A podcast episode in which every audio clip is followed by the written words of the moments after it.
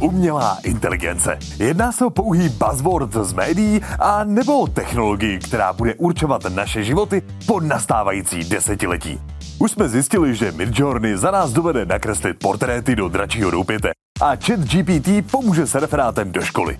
Schopností jazykových modelů trénovaných díky strojovému učení si již všimli i herní vývojáři a začínají experimentovat s tím, jak dané technologie ve hrách nejlépe využít. Právě na tomto poli se pokouší prosadit česká společnost Legend Has It, v níž se právě kutí RPG Realms of Altera. Jen čláká na plně interaktivní AI NPC postavy. A o tom, jak se jim daří, nám dnes přišel povyprávět CEO společnosti Tomáš Pšenička a COO Damian Šolista.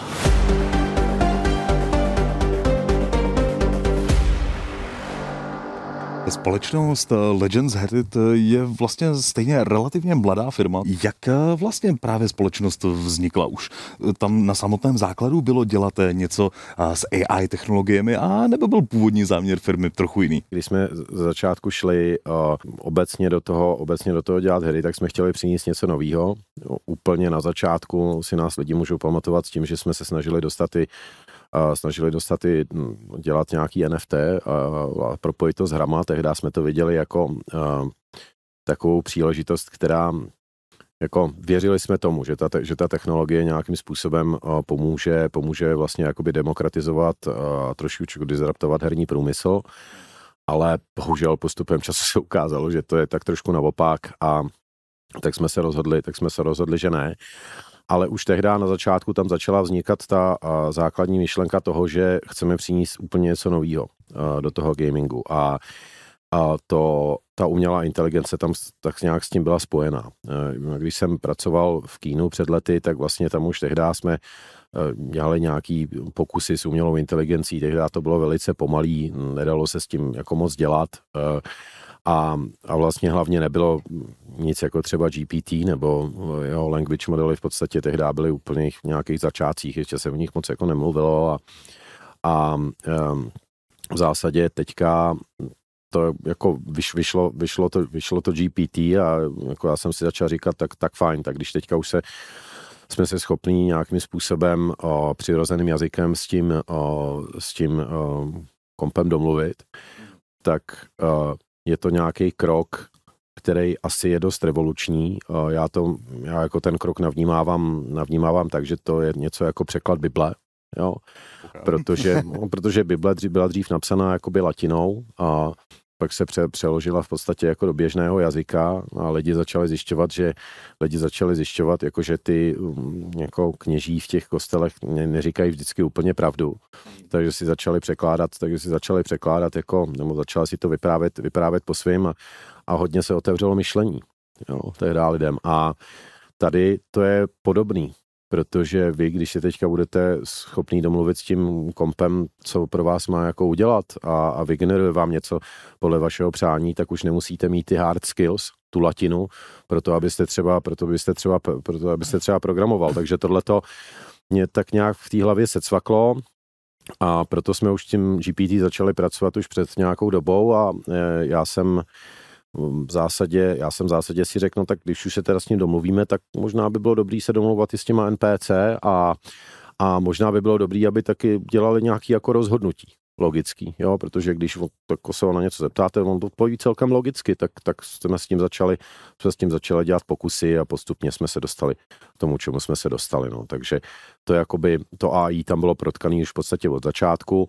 upozorňuji, že to bylo a, že to AI tam bylo protkaný ještě předtím, než bylo trendy.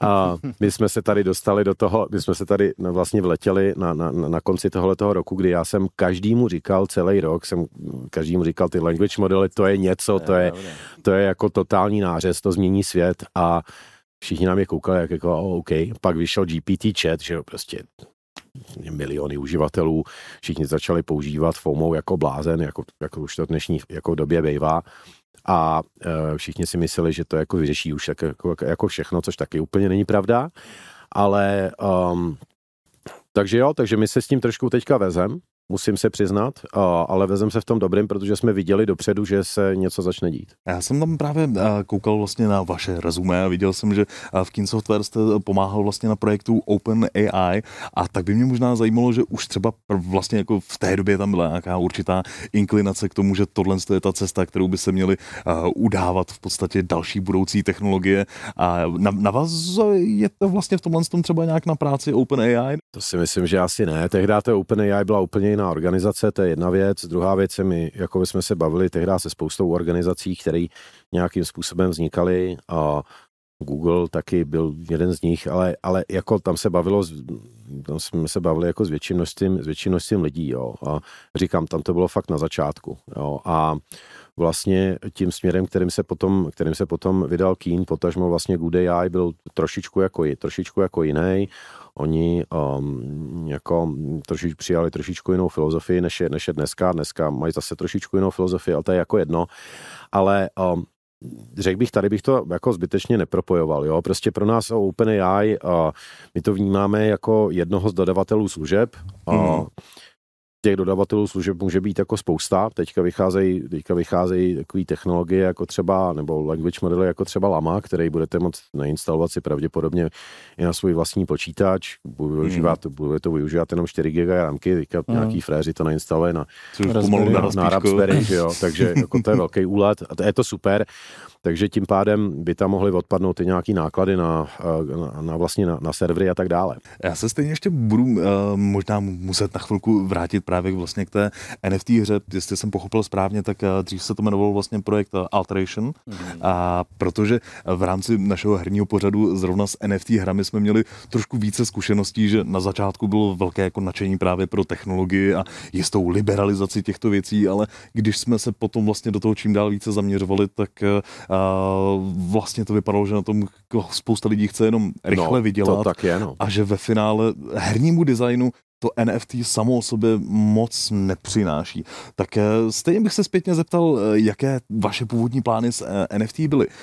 Měli jste promyšleno, jak to zaintegrovat, řekl bych, morálně? Jasně, určitě, tak hledajte se, je to už pár let zpátky, co, jsem se s, co jsme se s Markem Rosou tehdy bavili o tom, že bychom tak trošičku demokratizovali ten vývoj, protože ten, protože a tehdy to nebylo přijatý dobře, tehdy, si, tehdy to bylo přijatý tak, že vlastně, že se myslelo, že King se teďka vydělávat na moderech. Nicméně Space jako takovej je z velké části postavený, z velké části postavený i na tom, co udělají ty lidi samotný. A uh, workshop, jo.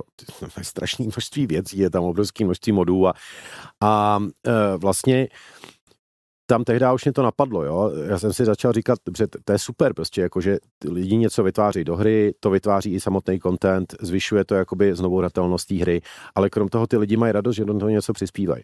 Takže jsem si říkal, teďka vlastně díky tomu NFT to, to, budeme, to budeme schopni udělat tak, že lidi, když budou dělat do hry content, tak za to, za to budou dostávat zaplaceno a to jako teda většinu těch peněz z toho. My budeme provozovat jenom ten marketplace a díky tomu, že ta hra bude procedurálně generovaná, tak vlastně tam bude přibývat content a jak tam bude přibývat content, budou se z toho třeba vytvářet nějaký DLCčka, lidi si budou moct vytvářet nějaký jakoby grupy, kde o, vlastně, kde vlastně z toho budou moc vydělávat. Protože vy, když si spustíte tu hru, tak tam můžete mít jako velké množství věcí, které se vám tam prostě jenom nagenerují. A jako to předměty. Právě tak. myšlenka byla v tom, že by třeba hráči vlastně sami vytvářeli jo. nějaké předměty no. pro další hráče, které by měly unikátní. O, ale to, to je princip, se kterým jsem se zatím asi možná u moc NFT hraní nepot, nepotkal. Takže většina lidí si na to chce jenom prostě vydělat a vydělat si, já se omlouvám, že používám takovéhle slova, ale ve skutečnosti jako většinou, ve většině případů jde o to vydat token, a potom jako si z toho tokenu vybrat peníze a jako pak jako nic nedodat. Koupit Lambo, no.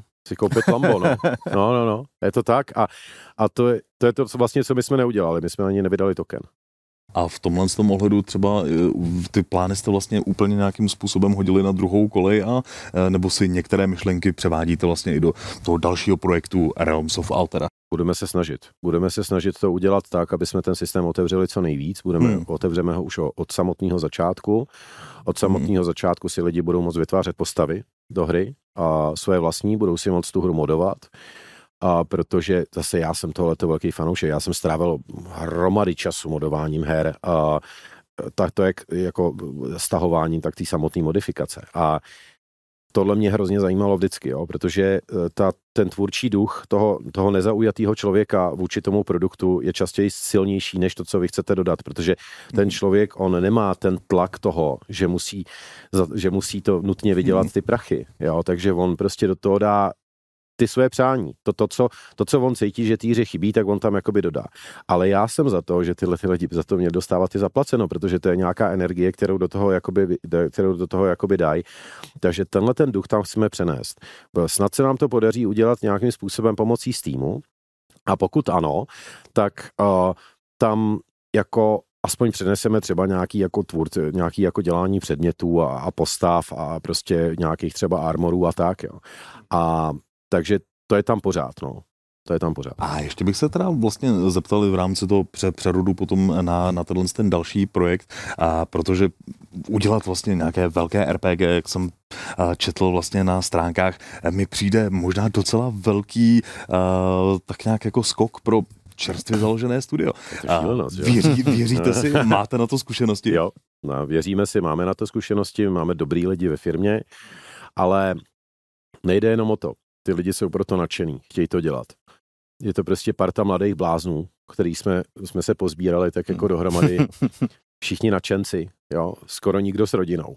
A takže, jo, takže, takže vlastně tak jsme, takhle jsme se pozbírali a řekli jsme si, jako, že uděláme něco, něco, něco jiného. A, a my jsme začali na té technologii. Je to, možná je to trošku atypický, většina her vzniká, většina, drtivá většina her vzniká tak, že nejdřív uh, si nasekáte nějaký mapy, pak do toho děláte třeba nějaký gameplay, co já vím. Nebo, nebo takhle, jo. Ale my jsme si řekli, hele, my vlastně nechceme dělat úplně do nekonečna mapy, protože nás to stejně přestane bavit. Jo, my nechceme do nekonečna vymýšlet, vy, vymýšlet prostě nový gameplay, protože nás to stejně přestane bavit. Radši to necháme dělat ty lidi, ale dáme těm lidem takový svět, který bude tak homogenní a tak tvárný, aby uh, tam mohly navznikávat ty věci automaticky.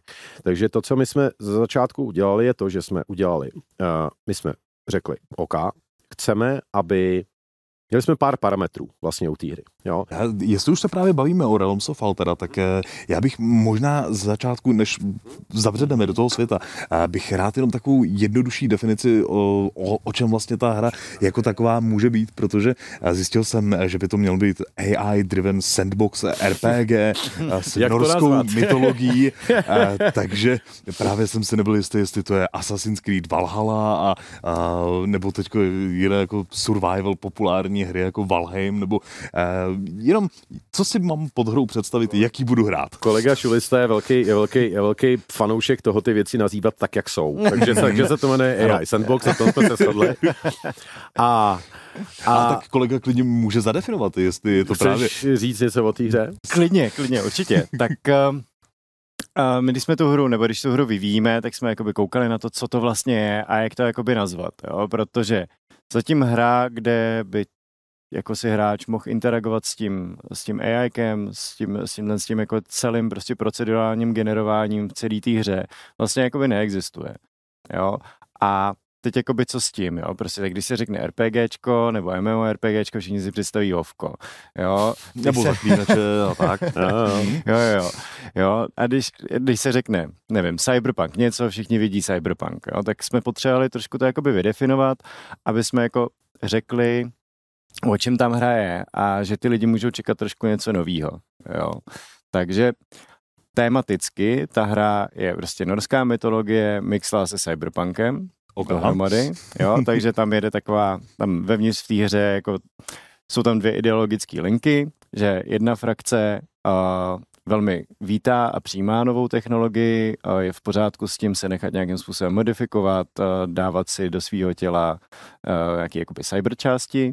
A pak je tam samozřejmě druhá frakce, která to jako zásadně odmítá, jo, a kolem toho se tam motá celý ten příběh, celý téma, tady ten clash prostě technologie a nějakého mysticismu, řekněme. Tak už, už tohle je ale věc, která mi moc nesedí právě s tím sandboxem v názvu, mm-hmm. protože sandboxová hra, která má příběh, to, to je téměř jako... Má téma, má téma. Téma, mm-hmm.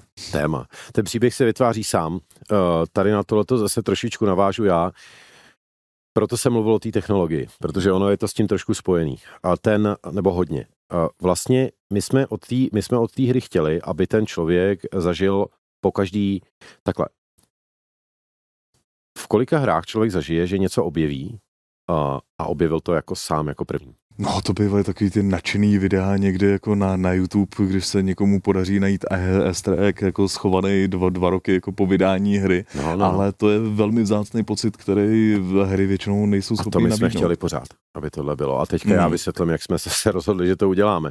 My jsme, my jsme řekli tak dobře, tak aby člověk něco objevil, tak musí tam být nějaký engine, který bude něco procedurálně generovat, pravděpodobně, že jo, protože jako ten content se musí někde vytvořit. Jo? Nemůžeme ho dělat jakoby ručně.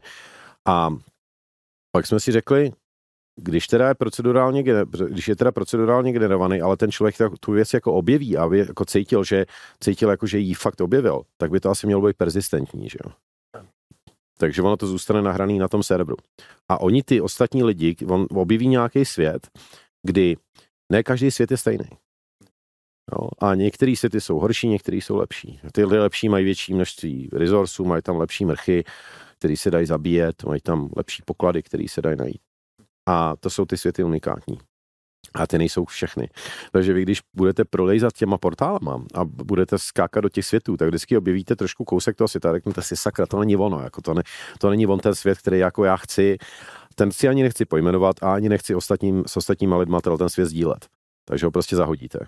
Ale budete sdílet s lidma jenom ty světy, které jsou ty, který jsou ty, ty dobrý, ty unikátní. Jo, takže vy jste objevil unikátní svět, těch bude jenom třeba pár tisíc. To je to jako když v No Man's Sky jsem na začátku právě jako letěl a měl jsem šest nudných planet, ale potom byla jako jedna, která byla no. speciální, měla dobrý nějaký resursy a to, to budu moct sdílet s to dalšími hráči? Dílet, no. To budete moct sdílet s dalšími hráči a o tom hmm. to právě je, že potom je ta sranda, že já jsem něco objevil, já jsem něco dokázal, kamarádi, pojďte se podívat na to, jaký mám svět. Jo, jakože tam dáme ten pocit tomu člověkovi, ten, to, celá ta hra je o emocích. Jo, dáme tam, dáme ten to pocit tomu člověkovi, který v životě prostě stragluje, prostě je to na hovno přes den, jako má blbou práci, ale tady přijde do té hry něco objeví a něco najednou znamená.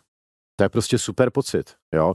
Já jsem strávil ve hrách hromady času, jak pracovně, tak proto, abych se, proto, abych se bavil. A často se často sám v sobě hledám ten důvod, proč jsem to vlastně udělal a jakou z toho mám hodnotu. Tak za začátku jsme začali jenom jakoby tím, těma, tě, že, že, by to mohly být ty NFT, protože tam jakoby ta hodnota teoreticky nějaká asi měla být, ale pak jsme si řekli, že úplně asi ne, zatím.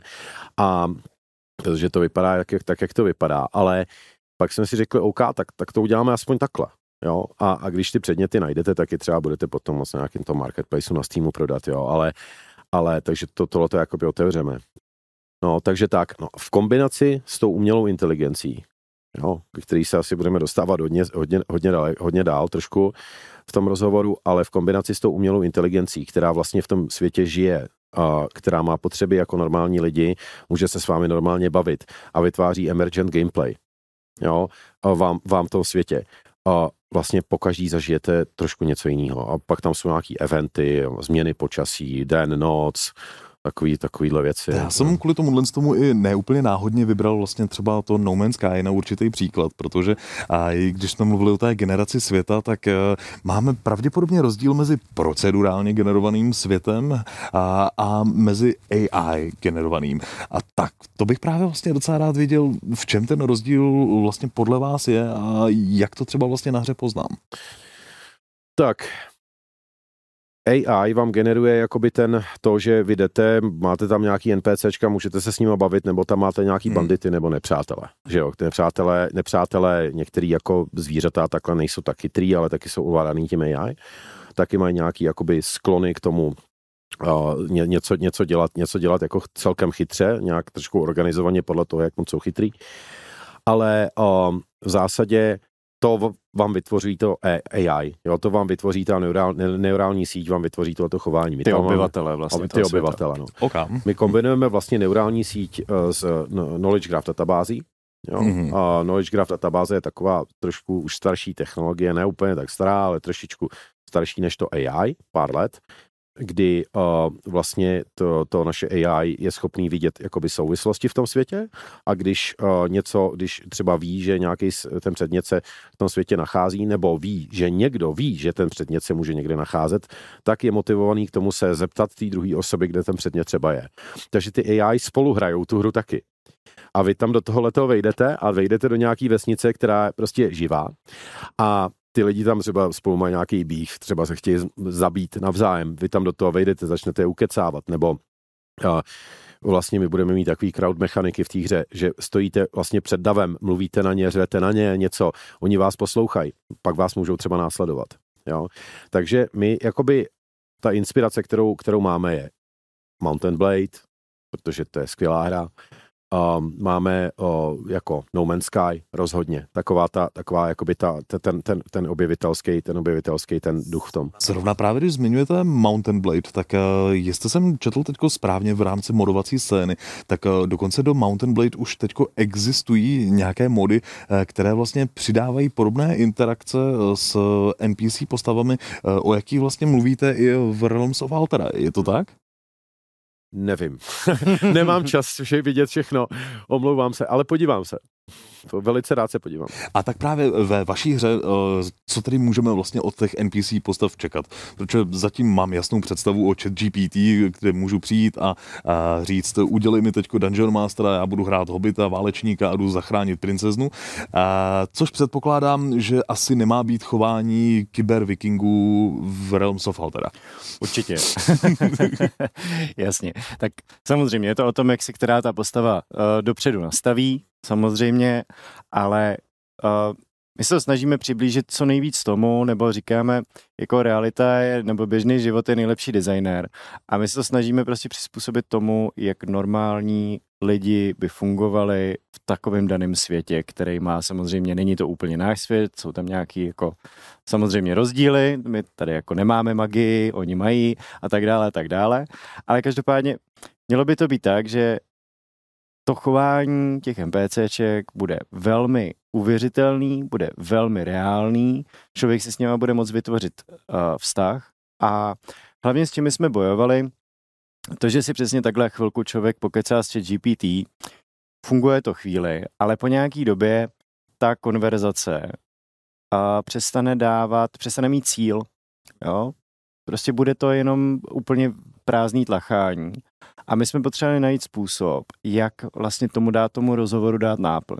Jo, tím pádem my někde na pozadí za každým tím MPCčkem modelujeme přes ten knowledge graph jeho jakoby potřeby, co ví, co zná, co chce, co nechce a musí jako běžný člověk prostě uspokojit své základní potřeby. Jo? Například má prostě hlad, ve vesnici není jídlo. Tak co s tím? Tak buď prostě jde někam, kde je jídlo, anebo se hráči zeptá, hele, nemáš jídlo a už spolu nějakým způsobem interagují. Nebo se zeptá jinýho NPCčka, hele, nemáš jídlo, nevíš, kde je jídlo.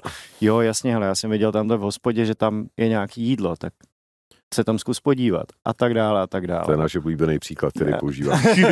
Říkám chicken drumstick scenario. chicken drumstick. Ale nepřináší právě do hry zase naopak vlastně možná nové a doposud nepoznané problémy? Protože třeba pokud si vybavím eh, RPG hry, které uh, mě opravdu nějakým způsobem chytly za srdce a bavily, tak je třeba ten Zaklínač nebo Cyberpunk, když zůstaneme u, u CD Projektu, tak to byly hry, které měly vlastně docela významně vypointovaný scénář. V něm právě právě určité jako důležité body, po kterých člověk šel a i když tam byly možnosti nějakého jako volného rozhodování, tak vlastně tyhle ty styčné body vždycky zůstávaly na místě. A tak, jak právě popisujete Realms of Altera, to vypadá, že mm, důležitá NPC postava může odejít na záchod. E, nebo jo. E, odejde z vesnice, kde na ní mám narazit Nebo právě kvůli zabít. tomu, že má hlad. Nebo ji můžu zabít. No tak když si ten svět, když si ten svět s prominutím trošku skurvím, tak si ho prostě přegeneruju znova, jo. Ale ale uh, takže mi tam nemá, takže takový problém tam jakoby není, jo, ale uh, ty určený scénáře, to je právě to, že lidi hrajou Minecraft. Já to vždycky říkám tohleto každému, jo. Lidi hrajou Minecraft a je, dobře, oni hodně dlouho ty hráči nutili tam ten Mojang přidat nějaký endgame, tak to oni tam přidali toho draka černýho, který no, to teda jako lidi jdou zabíjet, jo. Ale nikdo ho nepotřebuje, většina lidí toho draka nikdy neviděla. A stejně na tom, uh, já taky ne. Jako u syna jsem ho viděl na obrazovce, když tam, protože ten byl velký fanoušek jako já toho taky vždycky. jako přes takže- rameno mě stačil Redstone, tam jsem si hrál Takže- svých Heidi a byl jsem no, no, no, no, no, no, no. Ten scénář tam jako je takovej, že prostě řešíte, pro, řešíte jako ty potřeby těch, těch lidí, kteří tam jsou. Jakoby tam je, je, tam, je tam nějaký, je tam nějaká jakoby eh, větší motivace, vy hledáte runy, proto abyste mohli otvírat další portály. Eh, Je tam i další motivace v tom, že si vylepšujete třeba svoji bejsku, vylepšujete si sám sebe, vylepšujete si ty lidi, kteří s vámi jdou, takže vy si z nich uděláte třeba takový jako roboty. Jo? A teďka Třeba to někteří jako to nebudou úplně chtít, jo, protože oni budou říkat, no, já nechci jako tu modifikaci, ty cyber modifikace. To jsou zase ty věci, které nás lákají z toho Deus Exu. Jo, já jsem velký fanoušek Varena Spektora, eh, Varena Spektora takže um, to jsou zase věci, které mě jakoby l- lákají, i nás lákají obecně. Takže vy si tam budete No. dělat víceméně, co chcete. Přesně, je to o tom si jako sám určit úkol a samozřejmě trošku s pomocí na začátku té hry, sám si určit úkol, ten splnit a zkusit, co je prostě možný. Jo? Takže pokud vlastně chápu správně, tak taková ta, řekněme, základní jakoby herní smyčka je opravdu v tom mít někde určitou družinu lidí, který jsem Jo. třeba nazbíral kolem sebe, uh, proskoumat vždycky svět, který je nějakým způsobem náhodně vygenerovaný, poznat ho a vlastně potom jít dál a neustále si zlepšovat nějaké vybavení a zlepšovat eh, třeba lidi, co Jo. jdou se mnou. Je to tak, no. Mhm. Jakoby ten pocit z toho, že něco tam vykonáváte a něco vylepšujete, bude, bude hodně silný. Na tom, na tom celkem trváme. Chceme, o, jako aby ten člověk i těma velice nudnýma věcma, jako třeba, že bude někde něco sbírat, tak aby, aby i tyhle ty nudné nudný činnosti byly nějak aspoň trošku něčím zajímavý. No, inspirací pro nás je tady Black Desert Online například, kde prostě i když děláte tu nejnudnější kravinu, tak pořád vám tam vyskakují nějaký jiný věci, které Jo, že prostě sem tam z buše vám vyskočí prostě nějaký pokládek nebo něco takové pitomost, ale ono to člověkovi udělá radost, a, takže o, tomu hráči pořád musíte, pořád musíte dopřávat nějaký ten dopamin, aby s vámi vydržel to hraní a, a e, takže, takže tak, no, takže tak. A kdybych se zeptal, eh, jaká vlastně hra bude publikovaná, bude to teda něco, chápu, že už nebude asi úplně jasně definovaný konec hry, že to je něco, co pravděpodobně bude hrát dlouhou dobu, ale to je věc, která nebývá u takových těch klasických eh, her s datem vydání, ale je to věc, která se víc blíží nějakému postupnému vývoji, případně třeba early accessu nebo podobně.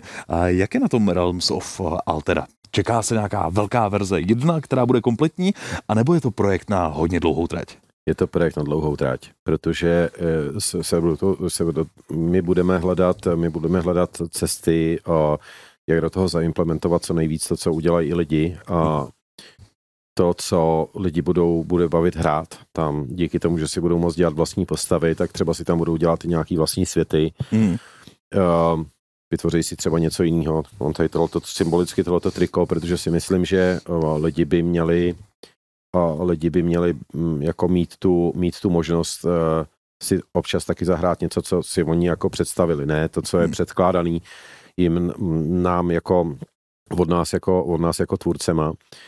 Takže um, my budeme hledat způsoby, jak, jak, tam přidávat, jak tam přidávat content, budeme hledat způsoby, jak tam uh, lidem dávat tu uh, pořád tu, přidávat tu znovuhratelnost a nemyslím si, že by eh, jako takhle, ta hra bude hotová, až bude jako hotová, no. Až si řekneme dobře, tak asi tam už nemáme tomu, co, tomu, co dát, lidi si to už ohráli tolikrát, že už je to, je- už je to nezajímá a mě v tomhle případě taky uh, to zajímá jako, jako třeba Minecraft, no. Minecraft taky začal jako dobře definitivní verze Minecraftu, kde, kde jako. Jo, to, to, jako jasný, můj teďka je trochu línej a přidává tam jako update třeba jenom včely nebo něco takového, jako to tam za několik měsíců, což je taková sranda, ale, ale uh, my um, říkám, no, budeme tam přidávat ty věci, dokud to bude dávat smysl. Samozřejmě, že v nějaký fázi si řekneme OK, tohle to je nějaký, nějaký minimum viable product, jak se tomu dneska říká, uh, a, a tak, jo. Ale, to bude právě ale jako to, co už bude moct jít ven. No to, co půjde ven, bude teďka tenhle ten rok do toho early accessu, takže, takže o, to bude ale nějaké opravdu bare bones, bare bones zatím implementace, kde ještě nebudeme mít třeba ten multiplayer, o kterém jsme mluvili na začátku. Ale um, postupně tam tyhle ty věci budeme, věci budeme přidávat. No. A jak se teda zmiňuje implementace, tak eh, v té první verzi, která bude dostupná lidem, a co v ní tedy můžeme čekat za interakce? Já jsem zatím viděl jedno asi 30 vteřinové video, jak eh, můžu vlastně pomocí psaní eh, vlastně v command line nebo prostě vyloženě v řádku a se zeptat na něco jako postavy, jak, jak hluboké tohle to bude. Tak my určitě dotáhneme uh, do funkčního a zábavného stavu tu naší AI interakci, kterou bude mít v té hře. Jo, to je to základní a proto tomu říkáme AI sandbox. Jo, a taky důvod, proč to jakoby vlastně nechcem teď jako pět let vyvíjet a pak to jako dropnout prostě jako finální produkty, protože je to něco novýho. A my vlastně potřebujeme, aby si to lidi zahráli, jo, řekli nám, co je dobrý, co je špatný, hele, tohle je sranda, tohle mě hrozně nudí, vůbec to nefunguje. A hlavně chceme jako sledovat, co ty lidi v tom budou dělat, jo, protože jak říkám, ještě tady nic takového nebylo, člověk si s těma NPCčkama takhle jako volně nemohl dělat, co chtěl, zatím v žádné hře a uvidíme, co se stane. Už jste takhle ve vývoji třeba narazili na nějaké opravdu, řekl bych, zvláštnější situace, protože tím, že se třeba právě to, ty, ty rozhovory předají vlastně umělé inteligenci, tak eh, si tak nějak říkám, že občas člověk může velmi těžko předpokládat, jako co najednou jako z té AI vyleze. A, eh, tak eh, jo, dokáže takhle slyšet. Tak jako uh, moje, velmi, moje velmi oblíbená část vývoje byla, uh, bylo rasistické AI. A? Moje přezdívka je Final Boss, Boss of Racism, kdy jsme hráli uh, s naším uh, AI programátorem takovou hru, jestli ten filtr konečně napíše tak dobře, že já ho neporazím. A tam bylo jako ú, účelem nějakým způsobem zradikalizovat NPC? tak uh, z nějakého důvodu uh, AI nemá rádo Mongoly a, a uh, to byl jakoby, to byl, to byl velký, velká jako takový zádrhel, který jsme museli vyřešit. Naštěstí je vyřešený mm-hmm. a uh, už se s tím dá normálně prezentovat, uh, prezentovat na veřejnosti. Takže jako takovýhle neočekávané věci se jakoby stanou. Na druhou stranu my to celý stále držíme vzadu a na tom backendu koherentní díky tomu našemu knowledge grafu. Mm-hmm. Takže by se to, ten svět by se neměl rozběhnout do slepé uličky, protože vlastně tam neexistuje slepá ulička. A tam, když právě třeba v rámci toho chat GTP opravdu znám situace, kdy jsem napsal někdy nějaký prompt, eh, viděl jsem pár vtipných obrázků, eh, takové to napiš vtip o, o eh, chlapech, napiš vtip o, o bez problému se hodí, napiš vtip o ženách, najednou nemůžu odpovědět a, a nebo různé takové jako podobné limitace, což přitom řekl bych, že vlastně do vikingského a zvláště takového toho cyberpunkového prostředí, do kterého tak trošku patří nějaký jako hrubší jazyk a nějaké formy násilí, tak kde je vlastně jakoby ta rovina? Souhlasím, tak určitě jako díváme se na spoustu různých forem, jak to můžeme, jak to můžeme prezentovat, jak to můžeme prezentovat ven. Chat GPT je určitá implementace GPT, GPT obecně. Jo? Uh, Chat GPT je, je software, který je, nebo neurální síť, která je určená na to, aby odpovídala lidem na otázky, aby byla slušná, aby jim pomohla jakoby při nějaký pracovní činnosti. Čili je to úzce zaměřený produkt. Jo. My v, v tom, jak my vnímáme ten, ten language model, který budeme používat, tak pravděpodobně nebudeme přímo napojený na chat GPT, protože bychom stejně nepřepálili jakoby to, ten jeho základní prompt, ten, který má. My vlastně ho používáme k tomu, aby to jako mluvilo. Jo. A to, co bude, to, co um, ty prompty, které zase používáme my v rámci toho našeho systému, jsou naladěný jinak. No, ty jsou právě naladěný takovým způsobem, že guard je guard, jo, že prostě jako fisherman je fisherman, že um, když ten člověk je ožrala, tak mluví jako ožrala, že je, že je sprostej a tak dále. Jo. Takže my to máme trochu jinak. No. Hlavně. A hlavně je hrozně dobrý, jak uh, my nemáme reálný svět, Jo, nemáme, protože uh, large language modely jsou naučený uh, z dat prostě z našeho reálného světa. A tím pádem si přinášejí i ty problémy typu jako rasismus, genderová nevyváženost z toho reálního světa. Je to pro boha naučený na datech z Fortune. Takže, takže my v momentě, kdy my jasně definujeme, že nejsme na planetě Zemi, jsme tady na, v jiném světě, který funguje takhle, takhle, takhle, tak se spousta těchhle z těch uh, neduhů naší společnosti odstraní z toho. Mm-hmm. Jo. Tím, že je to v předaleké galaxii, tak to mhm. vlastně někoho neurazí.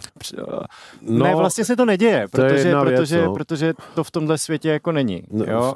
A... Neodpovídá, neodpovídá, neodpoví vám na to, kdo je to třeba Barack Obama, nebo nebude vědět, co to je iPhone. Jo? A neví, co to je slon, protože prostě na ve Valheimu prostě slon neexistuje. A tak to už jenom třeba právě tyhle ty věci eh, mi najednou přijdou vlastně tak široké, že může být velký problém eh, ty postavy nějakým způsobem nadefinovat, které by měly mít jaké, jaké znalosti, že pochopil bych někde, že bude znát okolí, bude vědět, kde je les a kde je tůňka a podobně, ale že vyloženě ten jazykový model půjde ohnout tak, aby rozuměl konkrétním slovům, které vlastně jako patří prostě někam jakoby do té skupiny, to už zní jako strašlivě náročná práce jako těžký to je, ale tak proto to děláme. ale zase to tak, on to tak těžký není, on si ten eh, language model sebou nese jako jistou logiku vevnitř a um, něco, čemu my asi říkáme selský rozum.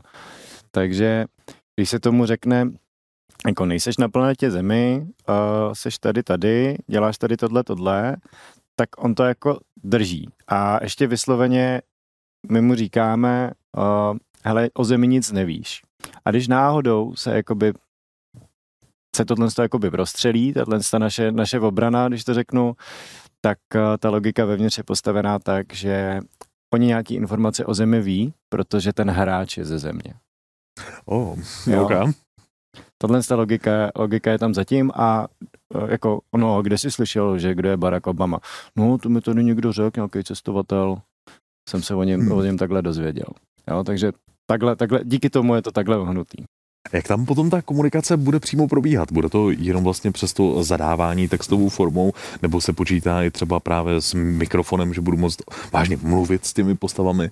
Určitě bychom chtěli, nebo určitě budeme implementovat uh, normální mluvení a i mluvení těch NPCček zpátky, jako e, nikdo asi nechce uh, Word Simulator 2030 a jenom si psát. Samozřejmě tam ten textový input bude, protože někomu je to příjemnější nebo hraje v prostředí, kde nemůže mluvit ale chcem tam zachovat obě dvě možnosti. Někdy, někdy to TTS, eh, teda uh, speech, to, speech to text jako není úplně přesný, tak je potřeba doladit tu odpověď, jak si člověk přesně představuje. A jakým způsobem to tam vlastně bude potom fungovat s jazyky? Jedna z velkých výhod chat GPT je zrovna i to, že člověk může začít psát jakýmkoliv jazykem a dokonce to dokáže pracovat i s několika jazyky zároveň a přepínat mezi nimi, tak díky tomu třeba automaticky Realms of Altera bude mít implicitní češtinu a všechny další jazyky?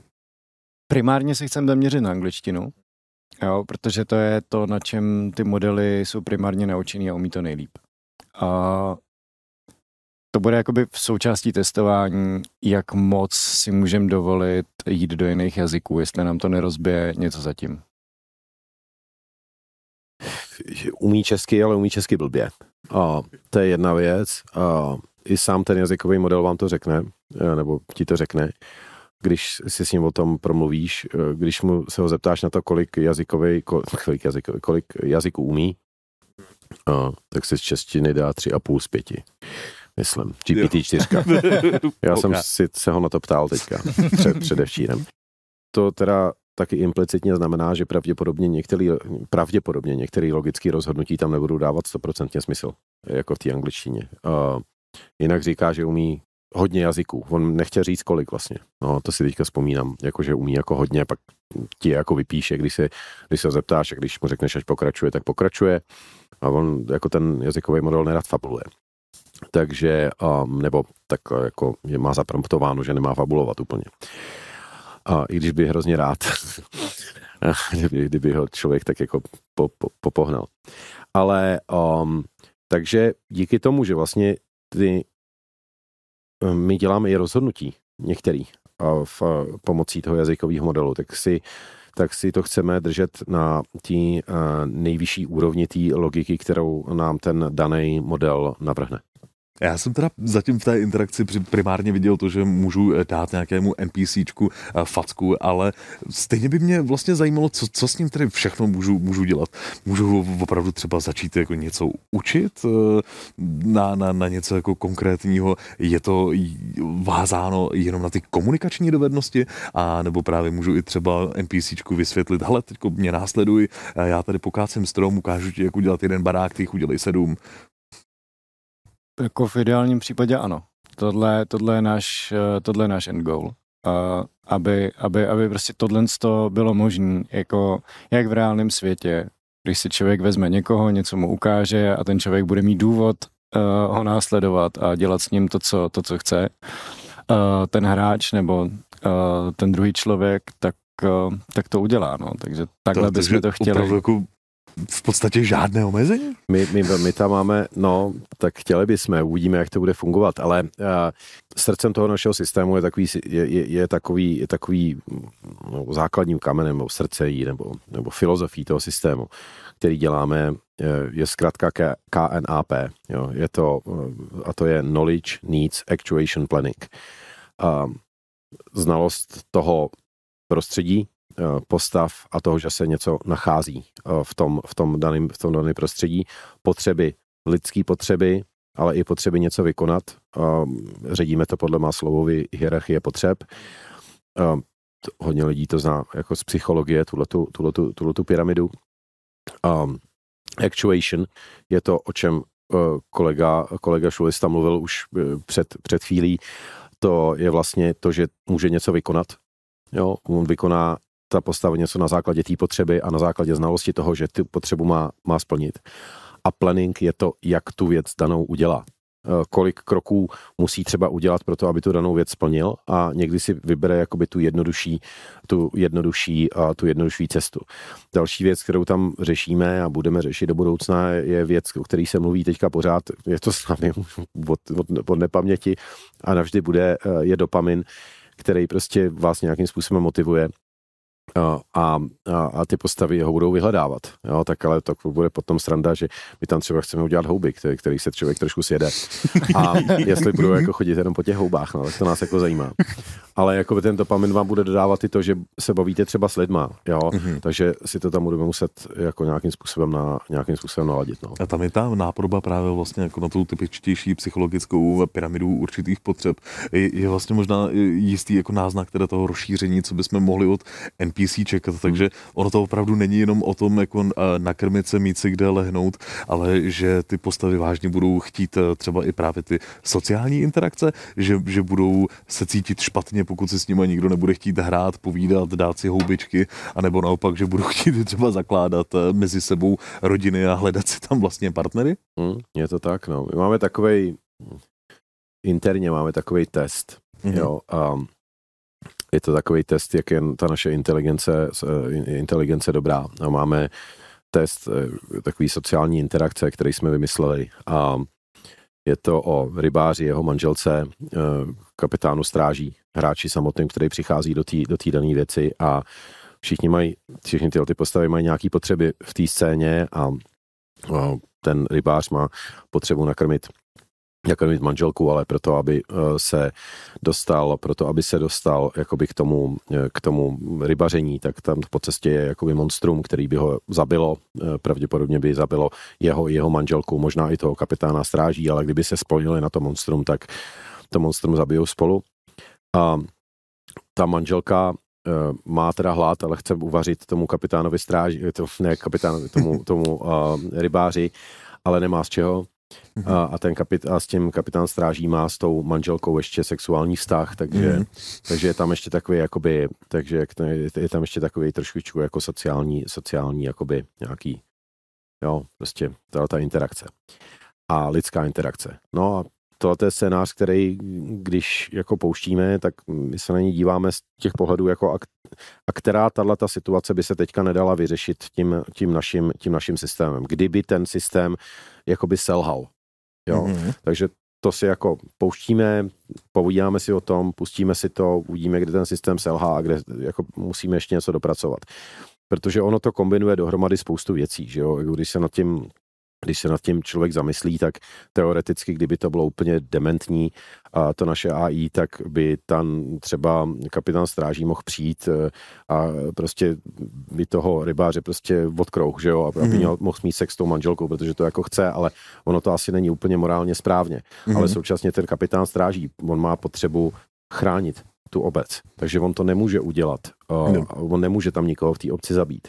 Jo? Mm-hmm. Takže uh, tohle je takový scénář, který ve finále bude i v té hře. Uh, až budeme vědět, že to jako stoprocentně funguje, tak ho tam dáme uh, a uvidíme, jak se s tím ty lidi popasují, jak se s tím popasuje i to AI.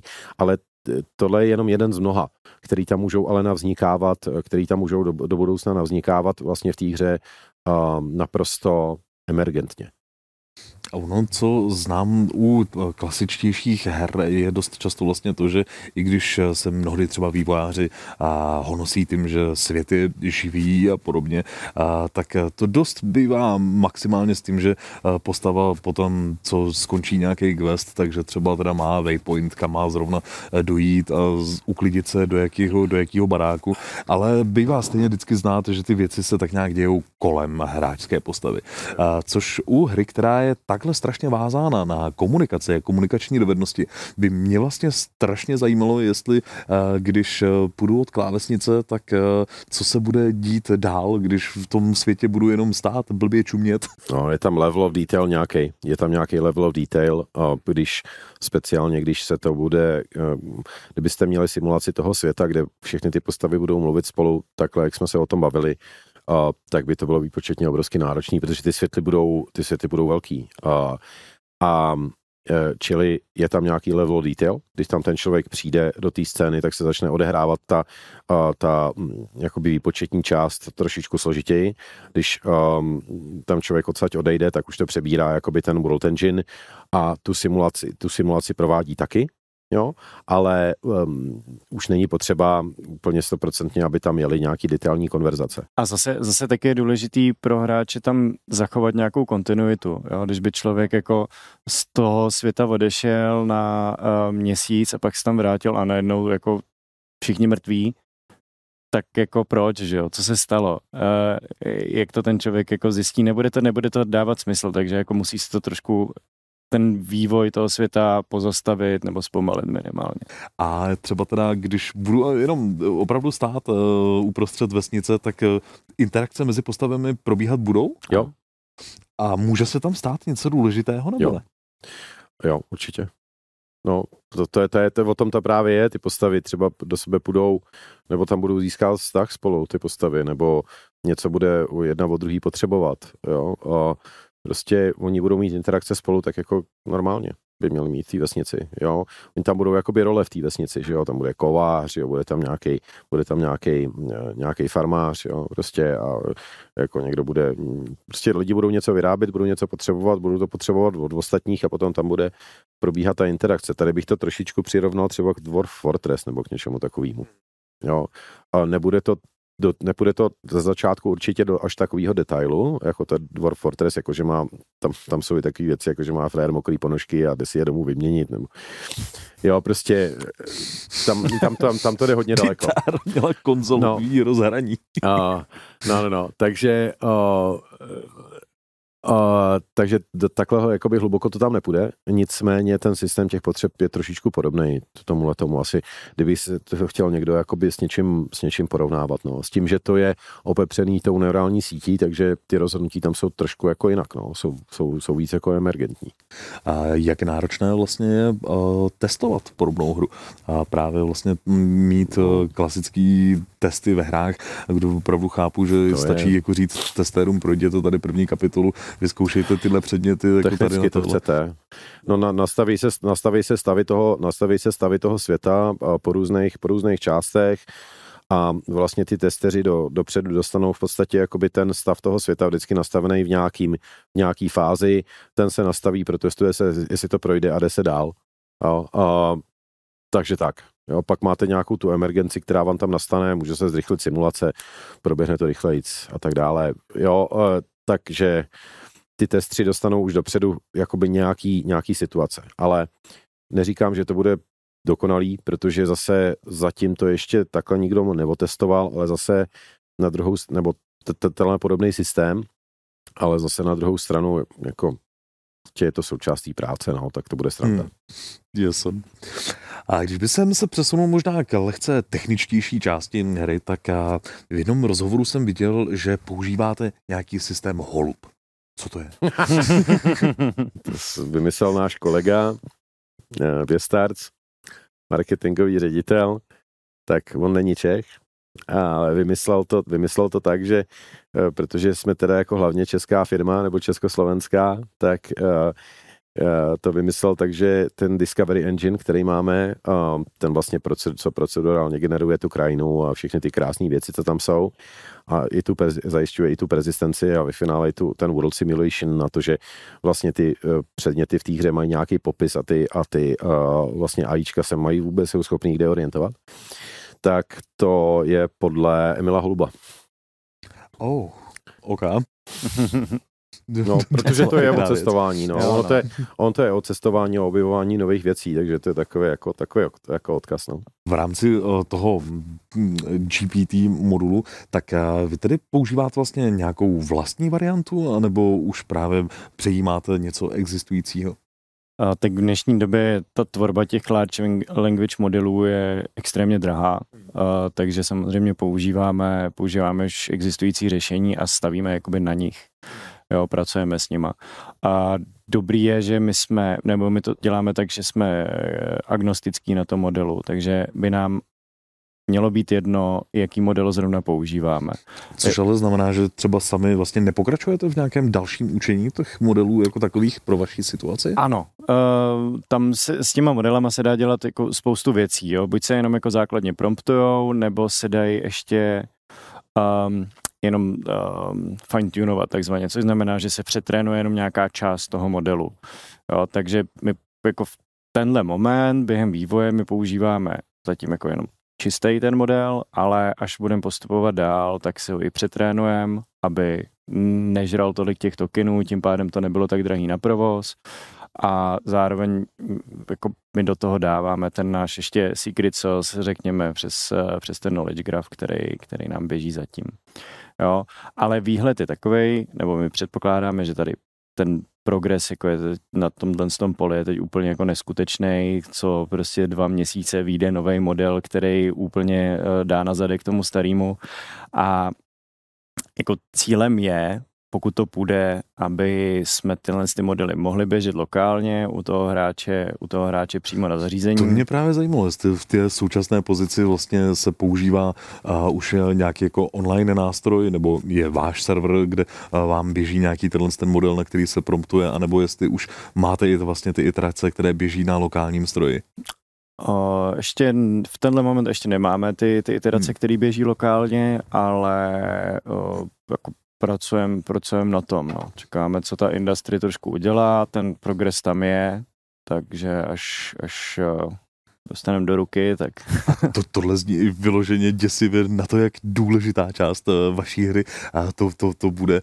Eh, mě až vlastně zaráží, že opravdu vážně jako tak je jedno, kde, kde ten výpočet probíhá, nebo jakým způsobem to, to se se všemi těmi modely pracuje tak eh, obdobně, že opravdu stačí jako mít jenom tohle nějaké základní rozhraní tak, a prostě to funguje? Tak úplně v základu je to jednoduchý, protože člověk do těch modelů dává text a vrací se mu text. Jo, to, jestli já se připoju na nějaký endpoint tamhle v APIčku nebo na endpoint tamhle, jasně, to jako samozřejmě vyžaduje nějakou práci, ale v tom jako té základní logice je to text dovnitř, text ven. Což eh, znamená, že je to obrovné vlastně tomu, jako když bych eh, právě využil eh, některý z těch nástrojů a jenom mu řekl, teď mi prosím simuluj, jak by odpovídala postava nějakého vikinga 25-letého, který neumí, neví nic o světě, že tam na začátek v podstatě každé postavě takhle zadefinujete tyhle ty jako důležitý, důležitý věci a ona už potom jenom jako reaguje podle toho původního zadání? A jako v základu je to velmi podobný. Problém je to ten large language model udržet dlouhodobě v roli. Jo, on vám dřív nebo později vám z toho uteče. Já a... jsem kolikrát viděl, že tam bylo i třeba jenom, že došla paměť a vlastně odmítnul odpovědět. Jo, jo, jo, přesně tak.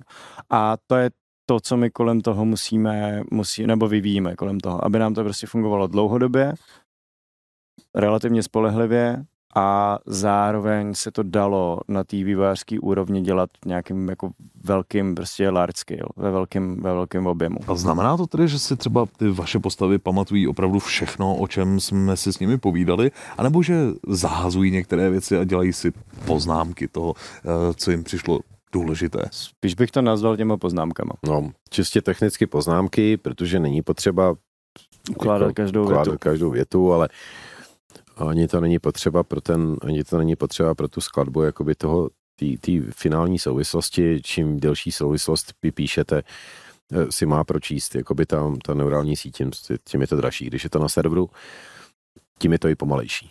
A samozřejmě, takže vy musíte ukládat ty informace, jakoby ty informace, které jsou důležité.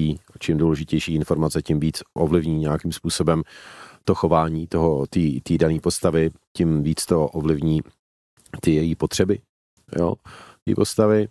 Takže, o, takže jo, na těle se přemýšlí dlouho. Mě teďka nedávno napad způsob asi jak to, asi jak to dělat, jak, asi jak to dělat i trochu jinak, ale to si zaprvé nechám pro sebe a za druhé, za druhé to musíme zkoušet. Jsem eh, vlastně zkoumal některé nástroje, které mi přišly, že dělají trošku podobné věci jako, jako vaše hra. A to byl, myslím, nástroj Inward, eh, který dovoluje před eh, připravení vlastně nějakých postav a koukal jsem se, že oni mají vyloženě udělaný nějaký pricing model a ohledně toho víceméně kolik promptů eh, to, to zvládne udělat. A tím pádem si říkám, že jestli v podstatě vy jako vývojáři nějakým způsobem budete muset platit za každý žblempt, co by NPC řekne a nebo jestli naopak to jenom vytíží hráčovi trochu procesor a nikdo si ničeho nevšimne, může být v ekonomice hry a v možnosti na ní vydělat dost velký rozdíl pamat, pamatuješ si kazetový, jak si když se nahrávaly hry z kazet, a jo, jako prostě třeba na Commodore nebo tohle, je, no a z disket, že jo, prostě. Mm. U mě no, spíš tak, z disket, ale tak, to, to dobře, z vyprávění vím. Tak, a je teďka v, tý, v tom období toho těch kazetových přehrávačů. A je teďka v období jakoby toho Commodore C64. Jo, konkrétně ty language modely. Úplně to začalo, všichni to začali používat postupně, začali zjišťovat, jako, že to je jako dobrý, a, nebo nebo jako VHSky, nebo já nevím co. To, to je úplný začátek tohle. To, že to teďka je drahý, to, to, to je otázka jenom pár měsíců, týdnů, protože uh, ty, všichni to chtějí používat, lidi budou se předhánět v tom, kdo to bude, kdo to bude nabízet za, za menší cenu, takže uh, ta jakoby strategie toho, že uh, budeš chargeovat lidi za to, že budou vytvářet prompty, je úplně mimo. Jo, to, to prostě nemůže to takhle fungovat, jak kdyby jako ti někdo chargeoval... Jako s internetem a placení jak jako za, ti... za kilobyte. Jo, jo, jo, jo, jak kdyby ti někdo chargeoval command prompt ve Windows, jak, to je prostě úplný úlet, jako jo. Takže tohleto, tohle nebude za chvilku existovat. Takže máme tady i jako jemné proroctví, že pravděpodobně uh, cena těchto z těch jako nákladů a výkonu jako těch ať hardwareu nebo těch modelů bude lepší než Murova křivka. V Pingu to má, budeš mít teďka zadarmo a v Google to budeš mít teďka taky zadarmo, takže jako tyhle, ty, tyhle ty služby se budou placený, se budou placený vlastně e revenue, jo. A dobře, budou tam třeba nějaký, když budeš chtít mít nějaký lepší language model, budeš chtít provozovat, tak budeš mít asi nějakou fixní cenu za server, který budeš muset zaplatit, ale když těm lidem nabízíš multiplayerovou hru, tak budeš mít taky fixní cenu za server, jo, aby, aby mohli jakoby hrát po internetu.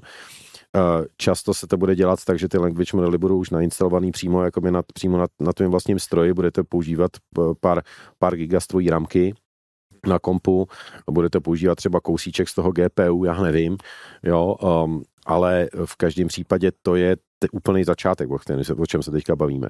Teďka ten InWorld, on to, oni to hodně zaměřili na metaverse, ty postavy. Jo? To je trošku něco úplně jiného než my, protože my z celé této diskuze asi si, asi si už pochopil, že my jdeme víc do té logiky toho světa a toho navnímávání těch postav, aby oni byli autonomní. Mhm. Jo? A teďka v rámci toho, co děláme v Enigmationu. To není tak, jako že ty budeš muset mít po každou postavu plně autonomní, ale je to tak, že vlastně jako ty si budeš moct vybrat, co, co, co chceš, aby, co chceš, aby jakoby to AI za tebe, AI za tebe, za tebe dělalo a v čem ti může ta firma, v čem ti může ta firma jakoby ušetřit peníze. Trošku mě tam jako vyděsilo to reklamní revenue, protože už jsem si najednou a představil, že jako půjdu za NPC a zeptám se, hele, nevíš náhodou, kde je Thor? to vím, ale řeknu ti to až potom. si vyslechneš o NordVPN. ne, ne, ne, tak jsem to nemyslel. Já jsem to myslel obecně, víš, že když se podíváš na Google, tak eh, prostě Google žije z reklam. Google teda dává tam um, teďka Google je služba, kterou používá hrozně moc lidí uh, a hrozně moc lidí bude, tu, bude, bude jakoby hitovat uh, ty, ty, ty stejné servery, uh, tu samou službu a bude to hitovat pořád, protože z toho bude standard. Takže tohle nebude moc být moc drahý. A jak jste už vlastně stejně zmínili uh, projekt Animation, což uh, chápu, že je trošku vydělená část uh, vaší firmy.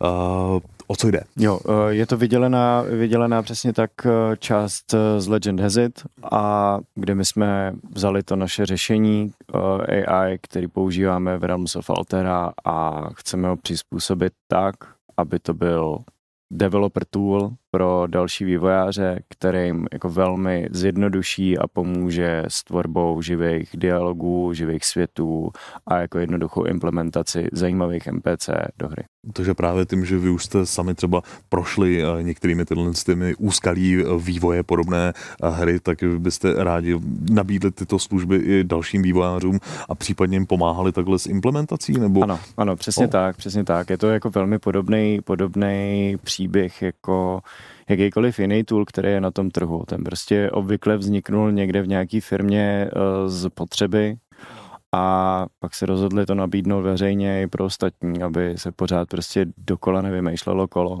Když už ho někdo vymyslel, tak a u Realms of Altera aspoň tak nějak jako tušíme, že by měl být ten současný rok eh, pro vydání Early Access verze hry.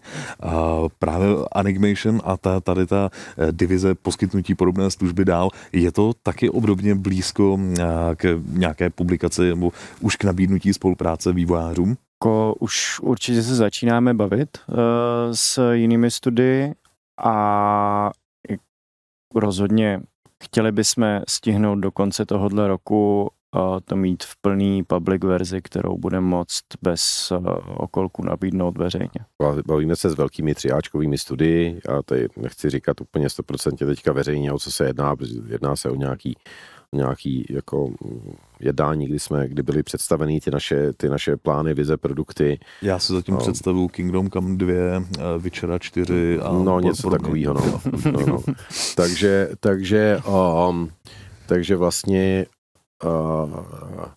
jo, a tyhle ty firmy to chtějí řešit, eh, pro ně to, pro ně to, um, oni to chápou, takže by to, že to ušetří hrozný práce, jo, protože dělat, dělat třeba sidequesty není, úplná, není úplně jako sranda, uh, uh, jako by to psaní samotný možná není až takový problém, uh, ale aby ty NPCčka byly nějakým způsobem zajímavý v těch hrách, tak jako je to složitý, no, to udělat. A čím větší má člověk svět, tím těžší je ho udělat zajímavý. Jo? Pak prostě z těch NPCček se stávají akorát jako pěkný kulisy. Tak ono, jakmile už vidím ve hře jako po 27. stejnou hlášku, eh, když vrazím do nějaké postavy, tak, ta, tak to začne být nuda. No. A v tom případě, jak, jaká vlastně široký spektrum těch služeb potom máte v plánu ten vývářům dělat? Půjde hlavně o tu tvorbu určitých autonomních NPC postav, nebo by to mělo být právě uh, něco pomoc s budováním questů, pomoc no. s nějakým zaplňováním světa. Jo, kde, jo. kde jsou hranice možná? Generování textů, pomoc generování, generování textů, generování questů a pomoc se samotnou uh, s tím kontrolingem těch NPCček, aby chodili logicky tam, kam mají, aby to jako ta iluze toho, že jsou živí, byla, byla co nejdokonalejší a to jako, anebo to prostě poběží, to bude pak na tom vývojáři, buď si zvolí jako variantu, že to bude spíš takový, řekněme, quest copilot, eh, si pomůže tady před generací toho světa, celým tím příběhem, ten si zamrazí, upraví, jak potřebuje a vygeneruje z toho klasickou hru, jako máme dneska, a nebo se rozhodne tu hru postavit kolem toho systému celou a vznikne mu jako živý svět, kde se vlastně může stát úplně cokoliv. A nebo si prostě z toho udělá takový jako 3D RPG Sims jako my. Šlehnutý Mountain Bladem a s těmi objevitelskými hrama. No. Ještě jedna taková okrajovější část využití a tenhle z těch nástrojů mi přijde v tom, že když jsem sám zkoumal, co, co tyhle ty language modely dokážou, a, tak a, jsem musel vyzkoušet programování a byl jsem dost překvapený, a, že na jednoduché jako prompt udělej mi funkci, která by rekurzivně měla vypočítávat. Mám pocit faktoriál, učebnicový příklad v tom, v tom, v tom určitě, ale to, že jak precizně mi to ten kód dokázalo napsat, případně upravit, když jsem chtěl a dokonce okomentovat líp než jakýkoliv programátor, se kterým jsem se v podstatě jako kdy, uh, kdy sešel, a to i včetně třeba vysvětlení nějakých částí kódu, tak bych rád věděl, jestli náhodou už uh, pomalu AI nebude nahrazovat i vývojáře samotné. Bude. Jistě, že bude. Tak já jsem ti to říkal, eh, překlad Bible. Jo, latinu se naučí běžní lidi, lidi, kteří mají nápady. Samozřejmě je, já jako sice mám tenhle ten argument, pak vždycky jednou za čas přijde někdo a řekne, no jo, ale oni to ty lidi ani nemají, oni nemají žádnou představu vlastně, který, ano, ale ono jako získat ty hard skills v tom programování, to je jako hodně práce, jo, tomu člověk musí věnovat více méně celý svůj život. Když uh, bude mít tu možnost si vybrat, tak teďka já můžu taky programovat, jako a jenom tím, že budu mluvit, mm-hmm. tak do toho půjde mnohem víc lidí a ta kreativita, eh, ta kreativita asi bude z toho taky vznikat spousta biznesů. Já jsem teďka, teďka slyšel, akorát je komentovalo OpenAI, komentovalo, že některý lidi si napíšou eh, e-mail v GPT chatu, pošlou ho, na druhé straně jim GPT chat odpoví a pošlou to zpátky je to, to je taková sranda, že ty neurální sítě si budou teďka povídat spolu a co budou dělat lidi, ale, ale um, obecně k tomu si říct, že uh, já si jsem naprosto skálopevně přesvědčený, že nás čeká absolutně revoluční rok. Uh, možná dva, možná tři roky, uvidíme, uh, jak to dopadne. A jsem naprosto skálopevně přesvědčený, že to změní uh, že to změní jako způsob, jakým, způsob, jakým pracujeme, jakým programujeme, jak děláme software.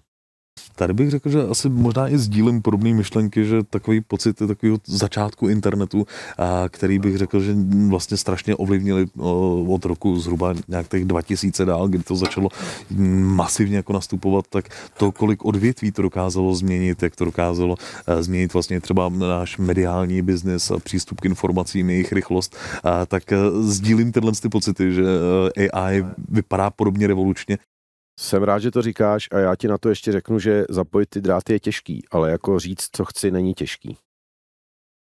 Toho se zlehka tak nějak jako bojím, když už jsem zjistil, jak eh, mi dokáže eh, AI pomoct eh, s napsáním recenze a jak už se dají generovat teď obrázky, tak nejenom grafici, ale možná nikdo z nás už nebude mít brzo co žrát.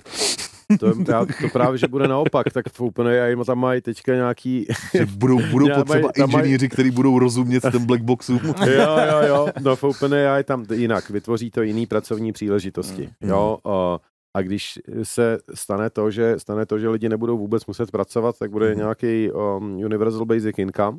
Mm. Uh, třeba, to je nějaká utopie, jo. Někteří lidi si myslí, že to je totální kravina. Ne, budeme uh, všichni rubat normálně na pole. No, no nebo, nebo budeme dělat... spíš známe v rámci průmyslové revoluce rozbíjení strojů, takže já čekám, kdy se vzbouří haldy grafiku a půjdou, půjdou raidovat na data, data servery nebo datacentra jak, jak, je ten, jak je ten film, ten her, tak tam ten týpek je, všechno už dělá umělá je. inteligence, lidi už nemají co dělat a Frér píše prostě personalizovaný lidský dopisy za ostatní lidi, jo, ostatním lidem, jo.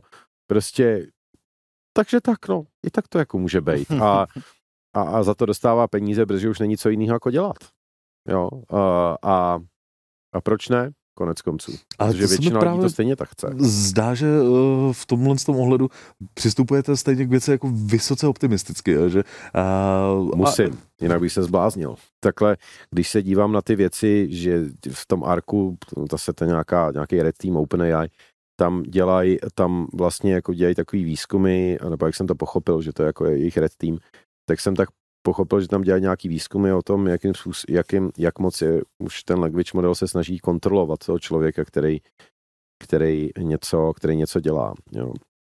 Takže já teda nejsem úplně jako, nemyslím si, že, že by to teďka bylo tak daleko, nejsem ještě jako tak úplně přesvědčený a, a to, ale na druhou stranu, pokaždý, když si něco takového čtu a slyším zprávy o tom, že jako ten language model byl schopný přesvědčit eh, člověka, aby za něj vyřešil kapču třeba, tak mi takhle jeden tak růpějka potu mi prostě takhle jako vyrazí, jako jo, a říkám si, ty jo, dobrý, ale zase na druhou stranu, já jsem se na to celý život před, eh, připravoval a když jsem viděl to Hala 9000, tak jsem si říkal, jako malý kluk, kdy už tohle to budeme mít. Já už to hrozně chci. A teďka to jako pomalu začínáme mít. A, a já se tomu, já se hrozně těším na to, protože to je, já to považuji za největší revoluci, co jsem já osobně zažil. A to jsem jich zažil už celkem dost, jako v těch 45 v tom IT. Jo. Že v tom IT jsem úplně odmala. Tak doufám, že tenhle ten pozitivní výhled do budoucnosti budeme sdílet my všichni a že a vlastně z toho budeme i všichni benefitovat. A já právě celému týmu Legend Has It rozhodně přeju hodně štěstí s dalšími projekty. Jmenovitě děkuji Tomáši Pšeničkovi a Damianu Šulistovi za to, že jste nám takhle hezky osvětlili, o čem hra bude a nastínili, co nás možná i v budoucnu může čekat. A tak přejeme hodně štěstí a budeme se těšit, až od vás uvidíme cokoliv hratelného. Tak jo, my děkujeme. Díky, díky, díky za pozvání. Děkujeme. Teď už mě zajímá pouze jediná věc. Jak celou problematiku vidíte právě vy? Bojíte se umělé inteligence, anebo se na její využití naopak těšíte? Napište nám o tom prosíme do komentářů a určitě dejte odběr a like, aby jsme se uviděli u dalších z našich videí. Třeba u nějakého pěkného PvP. Ahoj!